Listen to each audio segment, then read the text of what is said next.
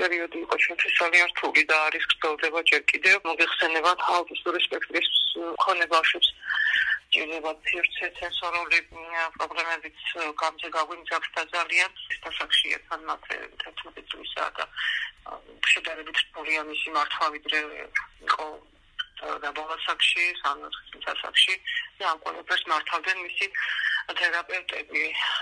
ჩვენ ვცდილობთ ახლა სახში რაღაცნაირად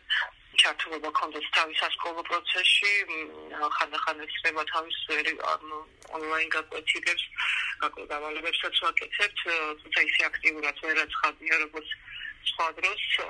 ძალიან დიდი იმედი მაქვს, რომ რაღაც გადავლახავთ ამას, მაგრამ მე ვფიქრობ, რომ ეს ყველაფერი მაინც აიცახება სამომავლოდ ჩვენს გავითარებაზე და იმ პრობლემებზე, რაც გვაქვს ზოგადად. ჩაპეტოს სივრცეში ამდენი ხანი აუტისტური სპექტრის მქონე ბავშვის ყოფნა არის ძალიან დიდი განსაცდელი. უამრავი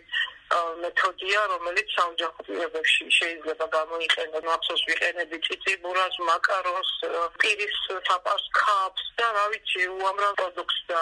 მილქებსაც, რომელთაც ბავშვს სტიმულაციას უწევდი მის ამ სენსორულ შეგრძნებებს და ჩვენი სახლი ძალიან მორგებული იყო. ხო, აი ამაზე ვიქნებ ბილიკები ქონდა დაფენილი სპეციალური სხვადასხვა ზედაპირებით, რომ ხახში შორტერბინა, მაგალითად, სამეთყელებაზე მუშაობთ აქტიურად და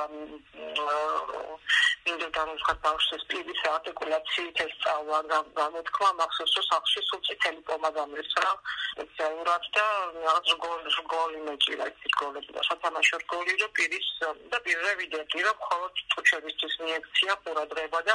არტიკულაცია საკვირვებოდა ამოიზარდა უფრო მეტად არის როგორც სხვა ბავშვი ძალიან დამოკიდებული გახდა კომპიუტერულ თამაშებზე ტელეფონზე. რა თქმა უნდა გვინდა ამ შეზღუდვა თუმცა ყოველთვის არ გამოდის და უფრო ძირითადად არის ხოლმე აი კომპიუტერთან. თუმცა რაღაც ხატვა უყარს და რაღაც პერიოდი ცდილობს რომ ხატვაზე გადაერთოს და ხატავს სახში მაქვს უამრავი რაღაც მასალა, რომელთაც შეიძლება ხელნაკეთი ნივთების გაკეთება და ასე შემდეგ და ხანდახან ამით ვარ საკავებული. თუმცა კონგეონების ხალისით ნაკლებად მოდის ამ ახტიობებზე, უფრო მეტად ვიწყოს ამის დაძალება. ახლა პატერაიზე გვაქვს და ეზოში გავდივართ და რაღაცნაირად მიკლავდებით ამ ყველაფერს მეკითხათ ეს არავიო მაინც არის სოციალური გარემოს არ ქონა და ურთიერთობების არ ქონა არის ძალიან სრული და დასატანია მაგრამ ძალიან კეთილშობილად ვიცავთ ამ იზოლაციის წესებს.